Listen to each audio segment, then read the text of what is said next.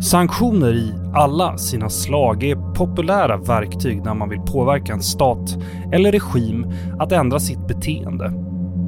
Det är ett sätt att strida utan vapen eller att isolera någon utan att spränga broar eller ställa upp blockader.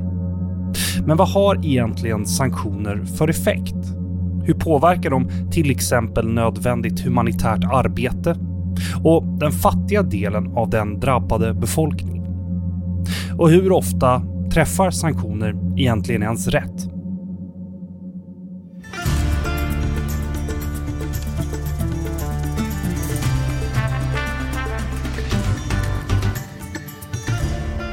Du lyssnar på Utrikespolitiska institutets podd Utblick. Jag heter Jonas Lövenberg. I det här avsnittet ska vi prata om sanktioner, hur väl de egentligen fungerar och hur de påverkar möjligheten för och behovet av humanitär hjälp. Det här handlar alltså inte om sanktionerna mot Ryssland utan mer om hur det här verktyget fungerar i ett större och kanske mer samtidshistoriskt perspektiv. Och för att hjälpa mig och er lyssnare att förstå det här bättre har jag med mig i studion. Åsa Sandberg från hjälporganisationen Röda Korset. Välkommen Åsa! Hej, tack! Och Rosbe Parsi, programchef vid UIs Mellanöstern och Nordafrika-program. Välkommen tillbaka till Utblick Rosbe. Tack så mycket. Tidigare i år så kom Röda Korset med en rapport om riktade sanktioner och humanitärt arbete. Den heter Civilian Well-being and Humanitarian Access in the Context of Targeted Sanctions ett långt namn. Eh, Åsa, kan du kort berätta om rapporten? För det är nämligen en del av utgångspunkten för det här samtalet vi ska ha idag. Ja, gärna. Den här rapporten tog vi fram eh, därför att vi såg ett behov av att eh, samla mer kunskap kring hur sanktioner slår mot eh, befolkningen i de länder eh, som sanktioner, eh, sanktionerna riktas emot. Eh, men också hur, hur humanitärt arbete drabbas av sanktioner. Och, och vad, kan du säga någonting om hur, eh, hur, det, hur den här rapporten har tagits fram? Det är två författare från Uppsala universitet råkar jag veta va? Och ni jämför tre olika eh, case. Mm. Vad är det, vilka länder är ni jämför? Precis. Så Röda Korset då gav i uppdrag till Uppsala universitet att, att titta på den här frågan. Eh, och då har vi valt, eh, valde vi tillsammans att titta på Sudan, Syrien och Somalia som är kontexter som är drabbade av sanktioner eh, och där humanitära behoven är stora och där Röda Korset också har verksamhet. Vad, vad är den största skillnaden på de här länderna då i, i era case? Eh, I relation till, till sanktionerna som den här rapporten visar är att i eh, Sudan är det landet som egentligen är hårdast drabbat utifrån de humanitära undantagen, möjlighet för humanitära organisationer att verka i ett land. Mm. Eh, Syrien ligger någonstans mittemellan och Somalia har det tydligaste undantaget för humanitär verksamhet, vilket betyder att det då ska underlätta för humanitära aktörer att hjälpa ett land helt enkelt. Ett undantag i sanktionerna I mot landet. I sanktionsregimen, precis. Just okej. Okay. bra, vi, vi återkommer eh, nog till det.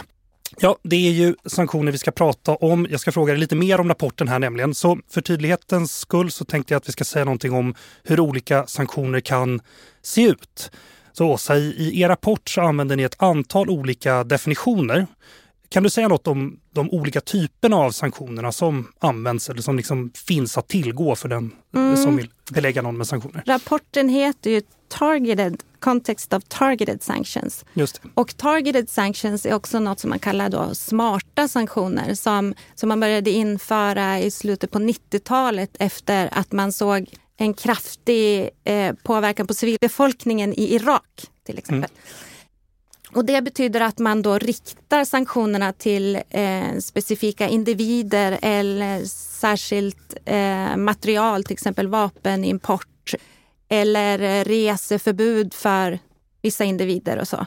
Sen finns det mm, FN utfärdar ju sanktioner, mm. resolutioner och EU kan också göra det. EU brukar anta FNs eh, sanktioner men kan också införa egna sanktioner, ytterligare sanktioner.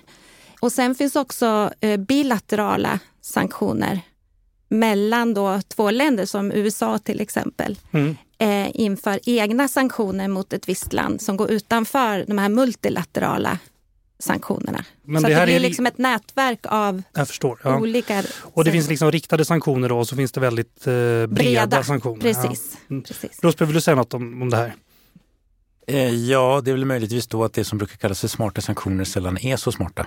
Eh, ja. Därför att de brukar ju oftast inbegripas i hela paletten. Det vill säga att man har smarta sanktioner men man har ofta rätt breda sanktioner också. Beroende på hur politiskt så att säga, snabbt ja, man vill uppnå resultat.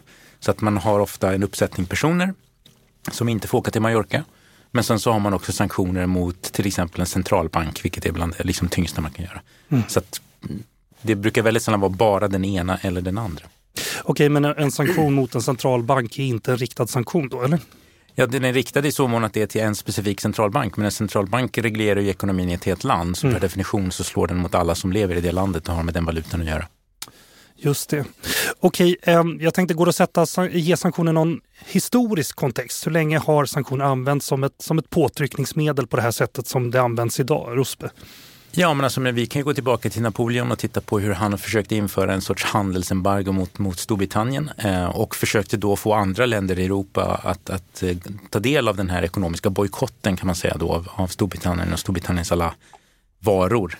Eh, så att i det avseendet så är det ju ingenting nytt. Men ju mer avancerad och global och snabb internationell handel blir, mm. Eh, desto effektivare blir det här medlet men samtidigt också svårare att hantera därför att det är så många kopplingar som finns.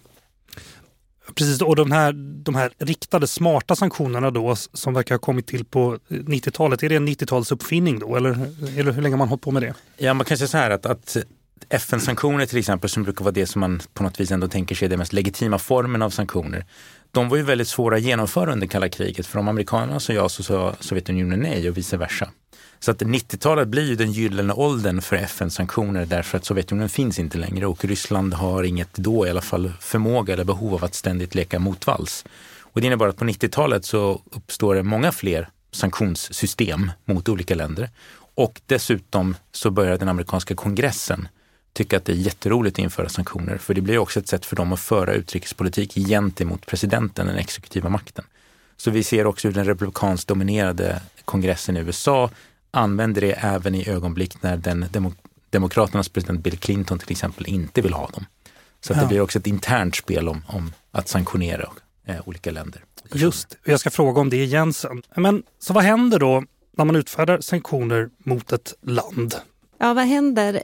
Utifrån det perspektivet som jag har då som eh, humanitär aktör så, så inträffar ju, eller det uppstår en rad komplikationer utifrån Eh, vårt mandat, vårt uppdrag i att bistå befolkningen med stöd, i behov av stöd. Och det relaterar ju inte minst till de här finansiella problematiken med banktransaktioner till exempel. När vi inte kan föra över pengar genom en normal banktransaktion för att landet är under sanktioner. Däremot så förespråkar vi att, att humanitär verksamhet ska vara undantaget de här finansiella restriktionerna. Så att vi oavsett ska ha möjlighet att föra in pengar till den verksamhet som behövs bedrivas. Men i verkligheten så, så vill inte bankerna generellt ha någonting att göra med det här landet. Så man drar sig undan. Man, man undviker risken helt enkelt. Det är inte värt det att, att eh, hjälpa oss med den här verksamheten till exempel. Andra aspekter är ju kring material och finmaterial och eh, vi måste söka då undantag som vi nämnde tidigare, att vi kanske måste jobba med en ansökan. Vi måste förstå systemet. Vi måste förstå hur undviker vi att bryta mot sanktionsregimen eh, som är ju en lagstiftning som vi måste förhålla oss till. Hur ser den ut? Vad kan vi göra? Vad kan vi inte göra?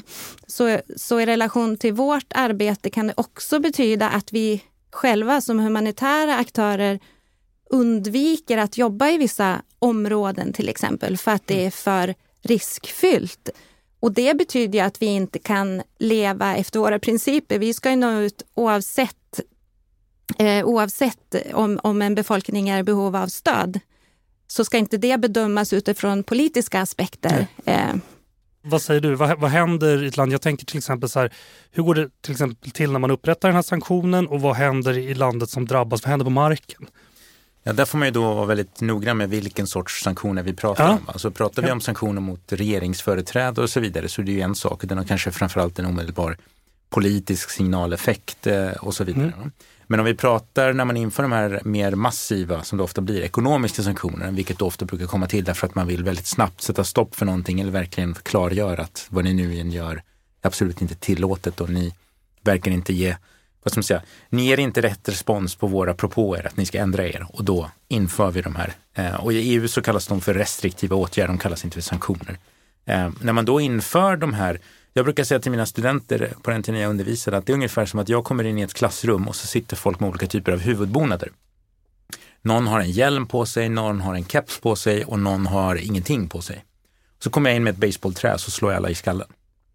Det är vad som händer när du inför ekonomiska sanktioner. Det vill säga människor, beroende på vilken klass i samhället de tillhör, kommer att kunna ta stöten av de här sanktionerna olika väl.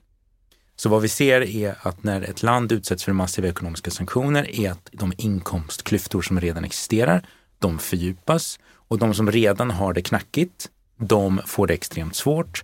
Medelklassen generellt sett blir fattigare. Överklassen kommer att klara sig därför att de har pengar, de har oftast tillgångar utanför landet och de är oftast inte överklass av en slump, de är kopplade till den politiska eliten. Och de sitter ju ändå på de valutareserver och de, mm. den vapenmakt som finns i landet etc. Så de kommer ju alltid på något vis in i det sista att, att kunna hanka sig fram. Det är alla andra som, som råkar illa ut. Okej, då måste man ju fråga hur effektiva är sanktioner då egentligen om det nu, är, om det, om det nu blir så här? Ja, alltså, jag brukar säga att man måste skilja på effekt och effektiv. Det vill säga att mm -hmm, om jag inför sanktioner, om vi inför sanktioner mot landet X och sänker deras valuta med 40 procent och de måste liksom bränna upp sin valutareserv på en månad för att ha råd med allt de brukar ha råd med. Då har den per definition haft en effekt. Mm. Effektiv blir den ju bara i relation till de mål vi har satt att de här sanktionerna ska åstadkomma. Det vill säga vi vill tvinga någon att sluta göra någonting eller få dem att börja göra någonting. Sluta med MR-kränkningar eller sluta invadera ett land eller börja efterleva er egen lag eller några åtaganden ni har internationellt. Då blir bilden genast mycket svårare därför att eh, ett, det är väldigt svårt att se en direkt kausalitet mellan vi gjorde så och då började de bete sig på ett visst sätt som vi tyckte om eller vad det nu var. För någonting. Så att generellt sett så är det väldigt svårt att komma med någon eh, fin lista med länder där vi har infört sanktioner och sen har de börjat bete sig som folk. Så att säga. Utan alla kommer genast springande med Sydafrika, så jag säger det redan på en gång så att vi har det överstökat. Mm. Och Sydafrika blir ju lite grann faktiskt av ett undantagsfall. Det är därför det är så intressant att alla tar upp Sydafrika. Det är lite ett speciellt fall och det är ett väldigt relativt tydligt, klart, lyckat fall. Och därför springer alla till Sydafrika. Men vi har ju infört sanktioner mot så ofantligt många fler länder eh, och där är bilden mycket, mycket grumligare. Så att effekt, ja. Effektivitet, jag är väldigt skeptisk. Okej, jag måste fråga om ett annat fall då. Iran och, och eh, deras kärnteknikprogram då, sanktionerna ledde väl ändå till det avtal som tidigare fanns, eller? Fast gjorde det det? Nej, jag, äh. jag frågar dig, det här är ju du bra på. Jag, jag skulle säga att det, det, det, är lite både och, men det är inte så mycket sanktioner som vi vill tro, därför det var det Nej. vi gjorde i 15 år nästan. När, när Iran, så att säga, när man upptäckte att Iran hade ett kärnteknikprogram, då hade de ungefär 160 centrifuger som de använde för att anrika uran. Mm. När förhandlingarna började komma någon vart, då hade de upp mot 14 000 centrifuger. Och vid det laget som avtalet slöt så var de uppe i 19 000. Okay. Så att om syftet med sanktioner var att förhindra dem från att kunna bygga centrifuger rent tekniskt och förhindra dem från att politiskt vilja och våga bygga centrifuger så misslyckades det ju kapitalt. Däremot var det ett påtryckningsmedel för att få Iran att inse att de skulle förlora väldigt mycket på att inte förhandla om saken. Mm. Men det som gjorde att det till slut blev ett avtal, det var därför att vi också gav upp en av våra viktigaste förkrav, nämligen att de inte skulle ha någon anrikning överhuvudtaget. Mm. Och när man gav upp den, det förkravet, då blev både förhandlingarna möjliga och lyckades. Det vill säga Iran har ett kärnteknikprogram. Vi har alltså inte lyckats med sanktioner och få dem att avskaffa det. Däremot har vi lyckats förhandla oss fram till att de ska begränsa det och att det ska kunna gå att kontrollera vad som händer i programmet.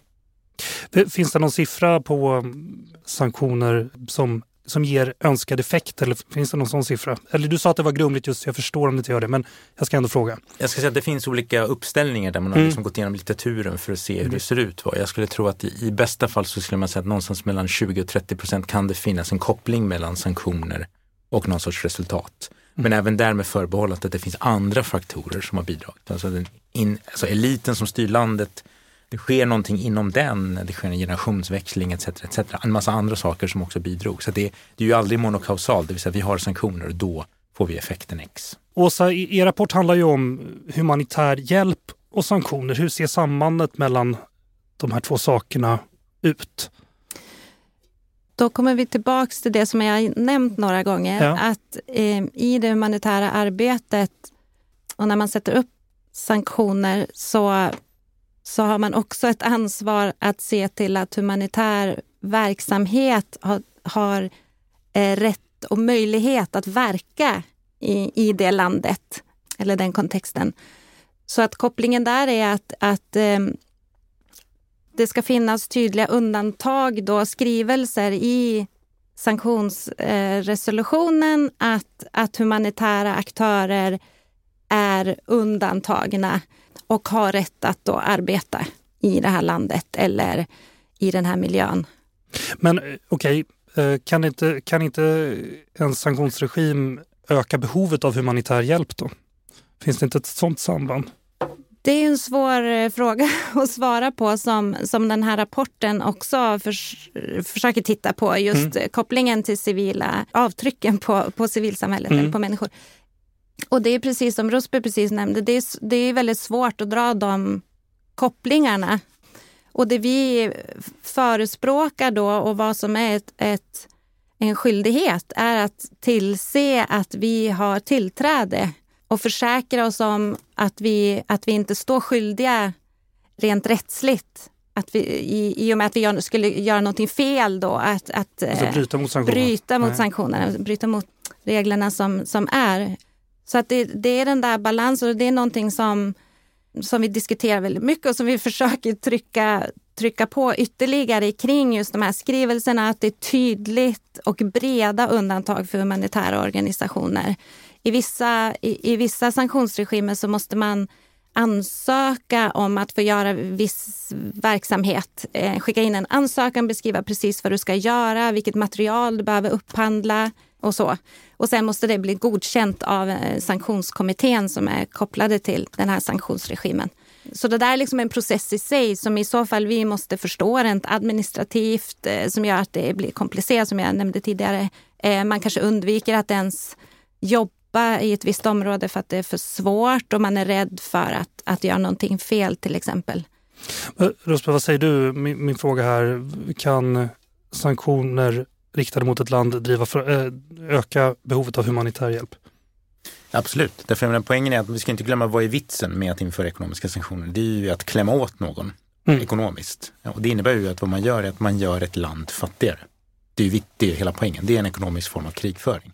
Så gör du ett land fattigare så ökar ju behovet av att sen hjälpa människor. Och då uppstår en situation, och det är inte så att säga de humanitära organisationerna själva som är inblandade i detta. Men man kan, om vi tar Irak som exempel, för ett land som hade väldigt långtgående sanktioner emot sig från FN, från, från USA framför allt och, och så vidare. Det är ju under lång tid. Det är ju att vad man är ute efter det är ju att egentligen svälta den politiska eliten. Men för att komma åt den politiska eliten så måste man svälta landet.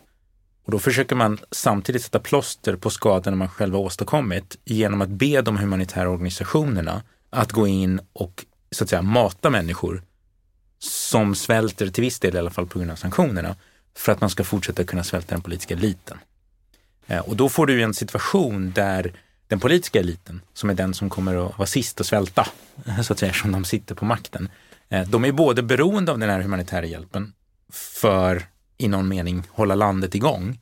Men samtidigt är de också extremt paranoida och misstänksamma mot den här ordningen. Därför att om man inför sanktioner utan att ha ett tydligt mål som någon där inne kan uppnå, ja, då är det ju ett permanent stryptag. Det vill säga, vi kommer aldrig komma ur det här strypgreppet och ni kommer hålla oss på nåder precis ovanför svältgränsen genom att pytsa in mat när det passar. Och det blir, det blir ju så att säga den, vad ska man säga, det blir den politiska konfrontationen mellan Saddam Husseins Irak och framförallt USA och Storbritannien när vi börjar närma oss slutet av 90-talet. Mm. Och då är tanken att med en sista sanktion och ytterligare en sanktion så kan vi få honom att falla eller att folk reser sig. Och det gjorde de ju inte uppenbarligen eftersom de var upptagna med att hitta mat för dagen. Utan då blev det ändå i slutändan nödvändigt med en militär invasion 2003. Vad inse effekten ja. av detta? Alltså, Irak är en av de få länderna vi har statistik över där människors eh, läs och skrivkunnighet går tillbaka. Det vill säga, mm. Tittar ni på, på grafer, och jag tror ni har någon av rapporterna också, både när det kommer till hälsa och läs och skrivkunnighet, så får vi alltså en situation där på 90-talet det finns en generation barn som är, har det sämre ställt och är inte läskunniga till skillnad från sina föräldrar. Mm. Och det är ju rätt unikt historiskt sett därför att just läs och skrivkunnighet är någonting som man ackumulerar. Liksom, det brukar mm. inte liksom gå tillbaka. Så det säger någonting om vilket enormt tryck samhället stod under på 90-talet. I ett tidigare avsnitt av Utblick så pratar vi om vad som händer i Afghanistan nu när USA lämnat landet. Och på grund av att talibanernas sätt att styra rimmar dåligt med västs ideal så har det riktats sanktioner mot landet. Vilket ställer till en del stora problem för de hjälporganisationer som jobbar i Afghanistan. Det sa i alla fall Andreas Stefansson, generalsekreterare för Svenska Afghanistan-kommittén när han var gäst här i studion. Han sa också så här om läget. Vi lyssnar. Sanktionsregimen drabbar inte Taliban-regimen, den drabbar befolkningen. Det är ju ett jättehögt spel man mm. spelar. Det är miljontals människor som, som är på randen till svält och död. Mm. Alltså, vi riskerar ju ett totalt destabiliserat Afghanistan med massiva flyktingströmmar med stridigheter som kan blossa upp, det kan liksom destabilisera regionen. Det är ett jättehögt spel att spela och det, det, är, liksom, det är ett oerhört trubbigt verktyg det här med sanktioner. Och mm. på sikt måste man ju få till en fungerande samhällsekonomi i Afghanistan. För den isoleringsstrategin man har nu, Alltså det, det, det bara spär på bilden i Afghanistan hos lokalbefolkningen att man bestraffar dem för att talibanerna tog över landet. Mm. Och det, det, kommer liksom också stärka de konservativa, hårdnackade, militanta falangerna inom talibanrörelsen. För de, de närs ju av eh, narrativet att det är vi mot resten av världen och omvärlden försöker nu bestraffa Afghanistan. Ja, vad säger ni om det här? Reaktioner, Åsa? Jag håller med honom. Jag förstår hans eh, perspektiv och kan också tycka att den här isoleringsapproachen eh, är ja, men eh, det är orimligt att, eh, precis som Rosby sa, att, att humanitära organisationer ska bära liksom samhället och de styrande de strukturer som finns, till exempel sjukvården ehm, styrs till största del av, av civilsamhälle, eh, internationella organisationer ska jag säga. Men också lokala organisationer som Röda halvmånen på plats. Och där vi behöver ett politiskt stöd i att stötta det här samhället som är verkligen på randen till en kollaps på många sätt. Och utifrån humanitär verksamhet så har man beslutat precis innan årsskiftet att humanitära aktörer ska få verka utan att begära såna här undantag. Man ska ha möjlighet att föra in pengar. Det finns inga restriktioner vad gäller just humanitär, strikt humanitär verksamhet. Men Problematiken där är också att banker fortsatt, precis som jag nämnde tidigare, vill inte ha någonting att göra med Afghanistan och den regim som är på plats. Så att det medför att det är fortsatt svårt att föra in pengar till exempel. Alltså det är jättesvårt att bedriva verksamhet med stöd utifrån. Ehm, och det, det krävs, eh, för mm. befolkningen svälter. Reaktioner på Andreas? Nej, jag kan bara hålla med. Jag skulle ta i ännu mer än vad han gjorde. Jag tycker det är en fullständigt barock situation. Det är en skandal. Alltså man kan säga så här att dels har det att göra med bankerna. Det vill säga att så fort ett land sätts under sanktioner så eh, blir bankerna oroliga för två saker. Det ena är att deras juridiska avdelning vill överhuvudtaget inte ha någonting med landet att göra för de vill inte ens behöva fundera på om det de gör är korrekt eller inte. Och det andra är ryktet. Det vill säga att de är måna om sitt rykte så de vill inte framstå som en bank som på något vis daltar med diktaturer eller mm eh, gör någonting som ens liknar handel med landet X. Och det gör att då får vi det här som brukar kallas för overcompliance på engelska, det vill säga att man, man, man efterlever sanktionerna med överdrift, med ordentlig överdrift. Eh, och då säger de som har infört dem, ja men det är inte vårt fel, det var inte vi som, men det är också lite så, det är inte riktigt så enkelt. Ni inför en regel och någon eh, efterlever den med 150 procent så kan ni frånsäga er ansvaret för de övriga 50 procenten. Det här med overcompliance, är det så också att det kan hänga kvar, alltså även om sanktionerna har försvunnit? Det, det skriver ni väl om i rapporten till exempel? Vad tror Mm. jag? Jo, men det, det ser vi. Det, det, är, det blir som en... eh, Man vill inte ha någon berören, berörelse, säger man så? Untouchable. Ja. Beröring med det, eh, det landet överhuvudtaget. Och jag tänker också i relation till det här att vi som humanitära aktörer har också en roll här i att utbilda och kommunicera med banker, finansiella institut och förstå hur, se, hur är sanktionen formulerad och vad betyder faktiskt det på riktigt? om, man, om man vecklar ut den här sank- sanktionen och tittar på vad som är skrivet. Det kanske inte alls är så att eh, man inte får göra det ena eller det andra eller bete sig på ett visst sätt. Man kan faktiskt agera utifrån vissa aspekter, som man, men man kanske just i, i relation till overcompliance-aspekterna eh, bara undviker att involvera sig med, med ett land. Så, att, så där har vi en väg att gå. Det finns två andra aspekter. Det ena är att en del, en del av det här i, till vardags är också automatiserat. Så om du skulle föra om du, jag sk- jag skulle gissa att om du försökte swisha pengar till mig och jag skrev Syrien någonstans i meddelandet så skulle det ta stopp. Förstår du? Det är inte att det är någon som sitter där och går igenom alla transaktioner utan det finns en massa sökord som automatiskt flaggar och stoppar transfereringar av olika slag. Eh, så det finns, det finns liksom en automatik i det där som, som är också väldigt svår att komma ifrån. För nästa problem är att en som man vill ta bort sanktioner så är det mycket, mycket mer komplicerat än att införa dem. Mhm. Det vill säga rent juridiskt att koppla bort restriktiv lagstiftning och avveckla den eh, har ofta visat sig vara mycket, mycket mer komplicerat än, än motsatsen. Och det gäller framförallt i USA. Och det ska man komma ihåg att elefanten i rummet här är USA. Det spelar liksom ingen roll vad EU vill eller inte vill och inför. Det, det intressanta för stora banker även i Sverige, det är inte EUs lag, restriktiva åtgärder, även om de är viktiga, utan det är motsvarande sanktioner i USA. Så även om EU inte har sanktioner så kommer inget, ingen bank i Europa att röra ett land om USA fortfarande har sanktioner. Därför att de handelsrelationerna är så ofantligt mycket viktigare. Och du kan bli bötfälld ifall du by- bryter mot dem här. Så vi har till exempel en bank för tiotalet år sedan nu som bröt mot amerikanska sanktioner när den typen av verksamhet, jag vet inte om den nödvändigtvis var laglig, jag tror nog den faktiskt var laglig här, de bötfälldes med 9 miljarder dollar. Så det är inga småsummor. Va? Så det, det, det är också viktigt att komma ihåg att sanktionsinstrumentet är inte någonting som bara vi rår över för att vi bor i Europa och Europa inför sanktioner, utan vi är också beroende av USA i detta avseende. Och deras politiska parametrar rår vi inte så mycket. En, en annan sak som Andreas sa här då att den situation som uppstår i Afghanistan eh, leder till att eh, eh, fler blir lojala med de här krigsherrarna som, som, som säger att de vill trycka dit oss i Afghanistan. Alltså kan sanktioner bli ett politiskt verktyg för den regim sanktionerna är riktad emot? Ja, i två avseenden. Det ena är att, att det förvandlar och deformerar ekonomin. va? Därför du, kan, du har inte en normalt fungerande ekonomi, utan du får en relativt stängd ekonomi. Jag brukar säga att det är ungefär som ett växthus. Vissa växter trivs mycket bättre när det är 70 grader och hög luftfuktighet medan andra vissnar. Så när du får en stängd ekonomi där den politiska eliten kan styra över den mycket mer så kommer de ju självklart att premiera de som är lojala mot dem. Mm. Så du får en annan ekonomisk flora helt enkelt. Det är det ena. Det andra är att eftersom staten får mindre resurser så blir det också mycket viktigare vem den vill ge resurserna till. Så det blir ju en metod för staten att dels avhända sig ansvar för att läget är som det är genom att säga, peka på sanktionerna i tid och otid, vare sig det är motiverat eller inte. Men det andra är ju såklart att jag menar, om, om vi nu sitter på tusen kronor och ingen annan sitter på mer än en 50-lapp, då blir det väldigt viktigt vem jag delar ut de här tusen kronorna till.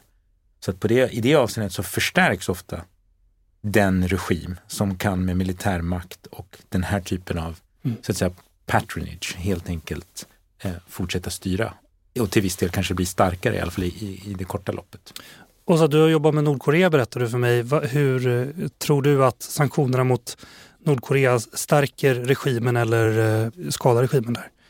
Ja, bra fråga. Jag vet inte om jag eh, kan uttrycka mig så, så tydligt om det, men det är klart att sanktionerna mot landet kan också användas som en, arg- ett argument för eh, regimen. Det, det, det, den möjligheten tror jag säkert finns eh, som ett verktyg för dem att hänvisa situationen i landet till, till det. Vi, vi har varit inne på det här förut, men jag ska fråga, och det var väl du som var inne på Åsa, men alltså går det att förutse allt som sanktioner leder till? Det har ni kanske nästan svar på, men jag ska fråga den frågan rakt. Kan, kan man göra det? Vet man, vet man faktiskt vad som ska hända när man belägger ett land med sanktioner? Mm, nej, det tror jag inte. Jag tror inte att man kan förutse det som ska hända. Och, um, det ser ju så olika ut på olika platser och vilken typ av sanktioner man inför och sådär. Däremot, ju fler sanktioner du inför mot ett land, det är klart att det blir ett, ett mycket mer komplext läge och att det förmodligen påverkar befolkningen på en massa olika sätt. Och eh, som i mitt fall, då, vår, vår möjlighet att, att verka. Men jag tror det är svårt att förutse. Samtidigt så borde vi kunna dra vissa slutsatser och det hoppas jag också att de som är beslutsfattare i både FN och EU och länder som inför sanktioner, att man har det i åtanke och också tänker till kring eh, hur civilbefolkningen faktiskt drabbas, till exempel på sikt. Och vad kommer uppstå om ett antal år, till exempel i Ryssland, utifrån ja, mm. det här pärlbandet av sanktioner som man har infört sista tiden från EU och jag hoppas som sagt, och det är någonting som, eh, som vi också kräver att man ska ha i åtanke och att den humanitära perspektiven finns med där och att man också försäkrar sig om att följa upp det. Ruspe, vad säger du? Förutse vad sanktioner leder till? Alltså generellt sett så är politiker inte så bra på att förutse vad det är de inför. Det gäller ju nästan oavsett vad de gör. Men det gäller ju framförallt sådana här saker därför de är så komplexa ekonomiskt. Mm. Alltså vad blir effekten? Men det andra som man också ska komma ihåg det är att sanktioner tenderar att få sitt eget lilla liv. Eh, det vill säga det finns en tröghetslag i detta. När vi väl infört sanktioner och vi inte uppnår våra mål, då är väldigt sällan frågan, funkade de? Utan då är svaret, vi inför lite fler sanktioner. Och så inför vi lite fler sanktioner. Så till slut så blir ju sanktioner ett policymål i sig självt. Det vill säga vi blir bättre och bättre på att införa sanktioner snarare än att vi kan faktiskt säga om vi inför de här så kanske det där händer och det vill vi. Mm. Så att det finns liksom en, en, det blir lite Frankensteins eh, monster på något vis. Och det är det som också gör att när vi lägger lager på lager på lager av sanktioner så är det rätt svårt att ta bort dem. Jag mig att det tog 18 månader för USA att häva sanktionerna de själva hade infört mot Irak efter att de hade invaderat och tagit över landet. Så även om de satt på båda sidorna bordet så tog det ändå 18 månader att juridiskt få bort sanktioner. Okej, okay, så hur mycket, hur mycket politik är det för hemmapubliken då, sanktioner? Jag skulle säga, nu är jag en sanktionsskeptiker, jag skulle säga väldigt mycket. Det här, det här, när vi säger signalpolitik så är det inte alltid bara signalpolitik mot dem. Det är lika mycket signalpolitik gentemot vår egen publik och oss själva. Mm. Så det finns ett narcissistiskt element i att införa sanktioner av det här slaget. Så vi står framför spegeln och känner att vi måste visa att vi gör någonting. Och, och då, om det sen verkligen, det där vi gör, har, en, har någon sorts åverkan på målet, Eh, det blir nästan sekundärt ibland. Så det viktiga nu är att vi, vi visar att vi är liksom principfasta och handlingskraftiga och så vidare. Och så vidare. Mm, ja, i det här exemplet med Ryssland då, som vi egentligen inte pratar om i det här avsnittet, men eh, det har väl varit ett sätt för Europa att visa enighet och sådär i, i, i, sin, i hur de backar upp Ukraina. Ja. det, ja. det är ju, that's fine, men jag tror att en viktig sak som, som man glömmer bort det är liksom hur tydliga och realistiska mål ställer man upp mm. för sanktionerna. Så att den som blir utsatt för dem ska känna att ett, det är uppnåeligt och två, att jag överlever. Mm. Det vill säga inför man sanktioner som gör att man backar in någon i ett hörn och man dessutom ändrar, alltså flyttar eh, målet hela tiden, ja, då är det ju mycket lättare för den personen eller den gruppen att känna att det här är ett sätt att bli av med oss. Då finns det ingenting att kompromissa om. I krig så finns det ju regler för hur man inte får ge sig på eh, en, civil, eh, en civilbefolkning och sådär. Men finns det sån motsvarande regler för hur man får använda sanktioner då? Enligt den humanitära rätten så har stater en skyldighet att underlätta opartisk humanitär hjälp och man har en skyldighet att eh, försäkra humanitära aktörers möjlighet att verka eller ta det ansvaret själva som mm. stat. Och se till att undvika negativa konsekvenser för befolkningen.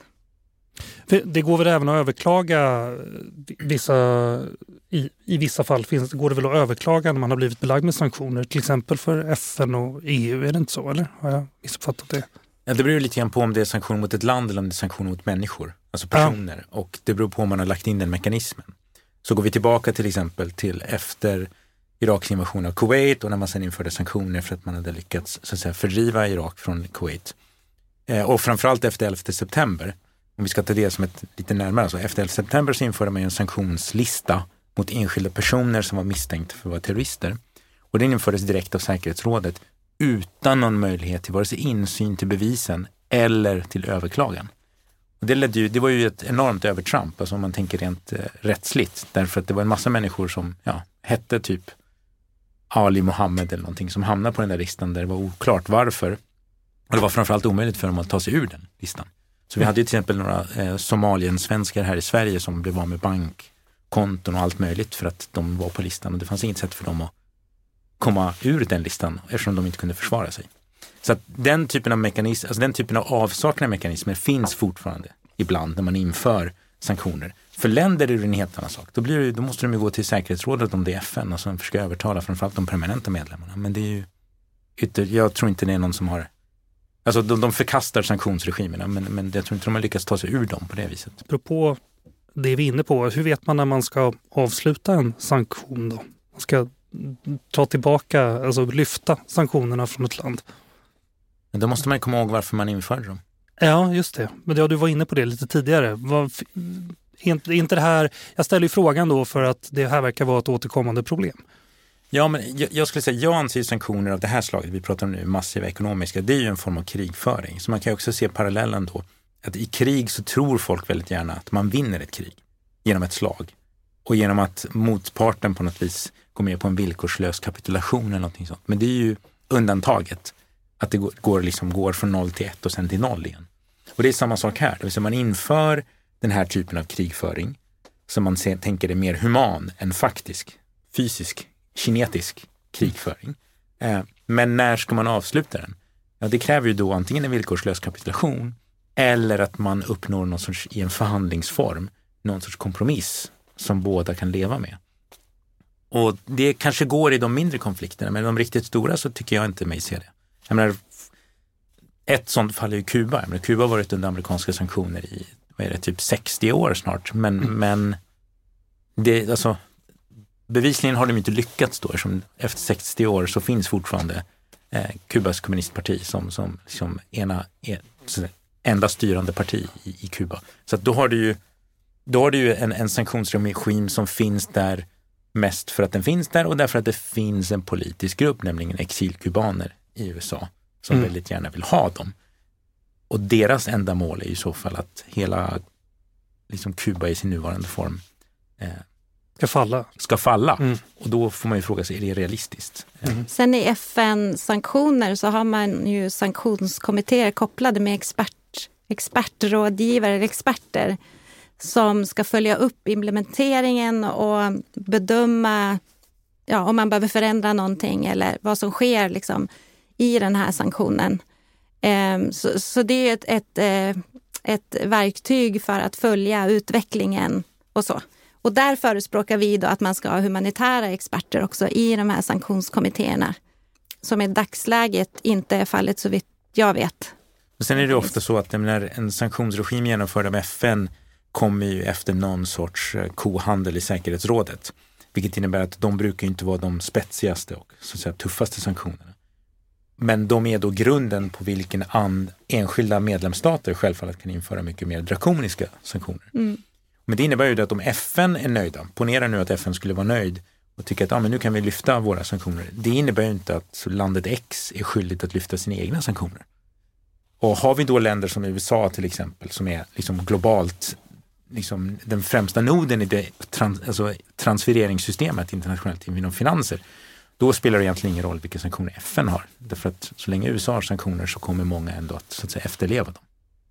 Eh, nu har vi pratat här rätt länge om många baksidor av det här verktyget. Då. Hur ser välfungerande sanktioner ut? Finns det exempel utöver Sydafrika som vi var inne på tidigare? I rapporten så var det väl, eh, det fanns väl någon poäng där med att man skulle komma beyond Somalia. Vad, vad innebär Somalia, det den sanktionsregimen, de eh, skrev tydligt i resolutionen att humanitär verksamhet är undantaget sanktionerna. Mm. brett. Alla internationella organisationer, all humanitär verksamhet, finansiella transaktioner, material etc. Så att det, det har då bedömts som, en, som ett positivt exempel där man inte har begränsat, där man inte har skrivit ut att det gäller bara de här aktiviteterna eller de här typerna av material, ni måste söka undantag, utan internationella humanitära organisationer har rätt att verka i Somalia. Mm. Ni behöver inte fråga om tillstånd. Däremot så är internationella lokala organisationer del av det här undantaget. Så att det är en annan aspekt av det hela, att de organisationer i landet som jobbar med, med humanitär verksamhet lever fortfarande i den här ovissheten mm. att eventuellt göra fel och ställa sig eh, till svars för det. Men så, så exemplet Somalia, där finns åtminstone någonting som närmar sig ett möjliggörande för, eh, för mm. humanitära organisationer att fungera. Bredare och tydligare, liksom. ja. precis. Mm. Möjlighet att jobba i Somalia. Ja. Vad, vad, vad säger du, välfungerande sanktioner, vad tror du? Går de att konstruera? Ja, alltså jag, jag skulle inte vara så kategorisk att det inte går. Men jag tror problemet är ju lite grann att när man inför sanktioner så tänker man att man har gjort sitt. Sanktionerna finns där och nu får de svettas och när de har fattat varför de svettas eh, så kommer de komma till oss och då kommer de kompromissa och sen är det hela löst. Och jag tror att det är inte riktigt så en, en, så säga, en konstruktiv lösning ser inte ut så. Därför att en del av en konstruktiv lösning kommer också oundvikligen vara att man måste ta itu med det bittra i att det finns en gräns för hur mycket man kan göra. Mm. Hur mycket tryck man kan utöva, vad konsekvenserna av det trycket blir. Och att den där slutgiltiga kompromissen, det är det det kommer vara. Det kommer vara en kompromiss och inte en villkorslös kapitulation. Och en kompromiss per definition innebär också att en del av dem man inte vill ta i med tång, som man har sanktionerat, ofta på väldigt goda grunder, kommer kanske vara kvar. Mm. Åter en gång, det är inte noll eller ett utan det blir någonting där mittemellan. Om vi tittar framåt lite då. Alltså, vi, vi, kan väl konstatera efter det här samtalet att det finns problem, precis som jag sa nyss här, med, med många, många typer eh, av det här, alltså med det här sättet att behandla andra stater då och trycka på. Så tror ni att det här påtryckningsmedlet kommer att fortsätta att användas? Rosberg. Så här, de kommer att fortsätta användas, men även effektbiten kommer att bli grumligare. Det är nämligen så att för att kunna ha väldigt massiva ekonomiska sanktioner, om det är de vi pratar om, så krävs det ju att den som man sanktionerar, i meningen negativt sanktionerar, också är så att säga exponerad, är integrerad i de finansiella system som man stänger av. Mm. Och att de då inte har någon annanstans att ta vägen. Och poängen är, och det, det här pratar man om i, i, i, sanktionsvärlden också som sanctions saturation, alltså en mättnad och en tillvänjning. Det vill säga att det här landet som sanktioneras, de lär sig att hitta andra sätt att få ut sina varor och importera sina varor. Det blir dyrare, det blir krångligare, men det går. Och vad som händer är också att stora länder som Ryssland, men framförallt Kina framöver, de ser ju i allt större utsträckning att det finansiella systemet framförallt fortfarande är väldigt dominerat av västvärlden. Så det västvärlden vill sanktionera negativt kommer de kunna göra genom det här instrumentet. Det ökar ju så att säga, motivationen hos andra att skaffa sig parallella system. Så att de kan fortsätta med sina egna transfereringar och stänga av den de vill stänga av. Mm. Så att du får också en mer splittrad bild. Det vill säga, vi, vi pratar om Swift ofta, Swift är det här mm, banktransfereringssystemet och det är dominerat, det liksom är juridiskt säte i Belgien, så lyder under europeisk lagstiftning trots att all världens banker är inkopplade. Och i styrelsen sitter kinesiska banker och amerikanska banker. Men den är fortfarande dominerad av västvärlden och juridiskt då av EU i det avseendet. Deras system är ju en öppen standard. Så det finns ett antal parallella, mycket, mycket mindre versioner av det som olika länder har startat på egen hand. Just därför att de tänker sig att någon dag så kanske någon får för sig att klämma åt oss genom Swift. Och då måste vi ha ett eget system eh, där vi så att säga helt parallellt utan, utan exponering kan transferera pengar och ta emot pengar. Och ju mer det där växer, desto mindre effekt kommer våra sanktioner då att kunna ha. Vad säger du Åsa, tror du det är ett påtryckningsmedel vi kommer fortsätta använda? Eller vi, Aj. men de som gör det. ja, jag har inget... Eh, det var intressant eh, det som du kommer att spä. Um, jag tänker att alltså det vi ser är att det har ju ökat sista åren bara i intensitet. Så att jag kan inte se att det kommer minska närmsta tiden i alla fall. Ja, det är väl ungefär det jag kan säga. Jag tänkte bara på en annan aspekt i relation till det här är ju också att man stänger av befolkningar från eh, omvärlden i och med att man stänger ner internet och system. Jag vet att i vår verksamhet på olika platser så har vi inte alltid tillgång till till exempel Microsoft och de webbkanalerna och till exempel licenser och sådär, vilket gör det väldigt svårt att verka. Mm. Eh, och ha kontakter och alla system som är uppbyggda på kontakter med omvärlden och globala eh, uppkopplingar och sådär. Vad, eh, vad, vad, har vi för, för alternativ till sanktioner då? Är det, är det nödvändigt ont? Vad säger du Rosberg? Nej, jag, jag, jag brukar vända mig mot den frågan när ja, den är ställd på det viset. Därför att jag tycker det luriga blir då att man antar att i varje läge så måste vi göra någonting. Mm. Och det finns något grundläggande mänskligt i det, att man ser någonting man tycker är väldigt fel och så vill man göra någonting. That's, och det, jag förstår det. Men samtidigt är poängen den att ibland så kanske man gör mer skada än nytta. Mm. Och, och, att man kanske måste någonstans också fundera på att bara för att vi ser ett egenvärde moraliskt att ständigt agera innebär inte att det vi tror att vi vill åtgärda blir bättre av att vi agerar. Så då är frågan snarare, det finns så att säga flera alternativ än vi måste göra det här eller så måste det bli krig eller så står vi handfallna och är moraliskt liksom eh, vilsna. Utan ibland är det bara så att man måste acceptera att det finns en gräns för den makt man besitter. Det vill säga, det går inte att kompensera för den avsaknad av makt bara för att vi är moraliskt indignerade. Eh, och då kanske det är bättre att stå tillbaka en stund och klura än att genast kasta sig in i att agera. Och kanske reflektera över historien också. Vad har vi haft för relationer med de här länderna? Hur har dialogerna sett ut och insikt och förståelse för ett läge eller en situation i ett land och sådär. Mm. Får jag bara lägga till, ja, alltså, ofta när vi pratar om de här sakerna då pratar vi om människorättsbrott till exempel. Vi pratar om att vi vill värna om något lands civila och politiska rättigheter till exempel.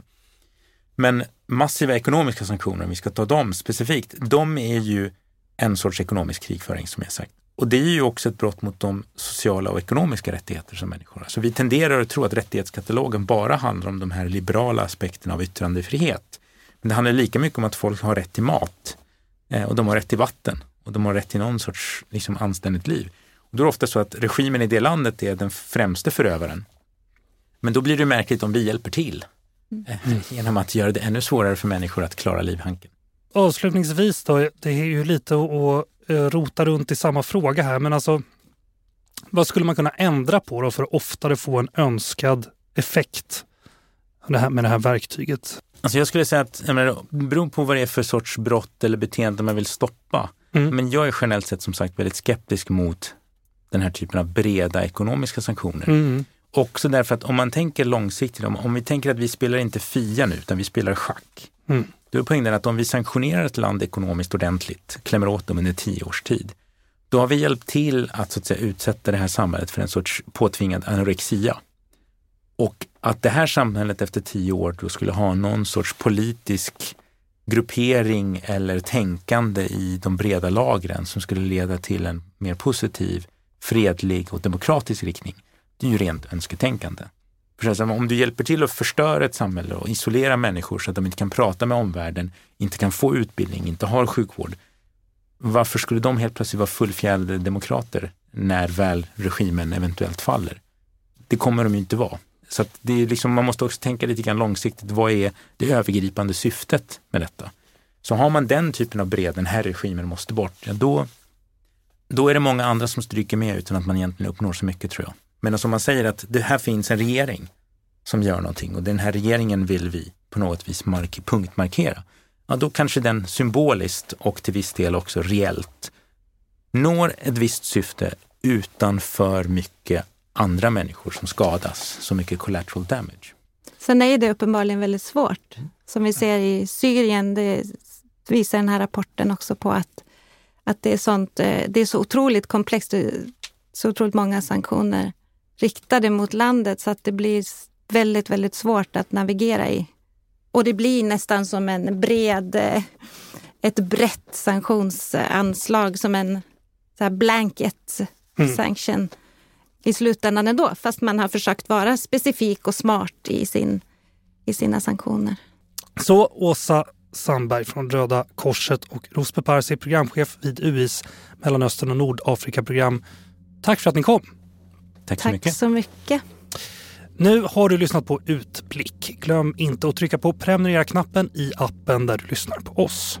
Om du vill veta mer om UIs arbete och omvärldsbevakning, titta in på ui.se. Vill du bidra till eller är intresserad av Svenska Röda Korsets arbete, gå in på rodakorset.se. Vår vignett är komponerad av Friden Frid. I kontrollrummet idag sitter August Bolin. Jag heter Jonas Lövenberg. På återhörande.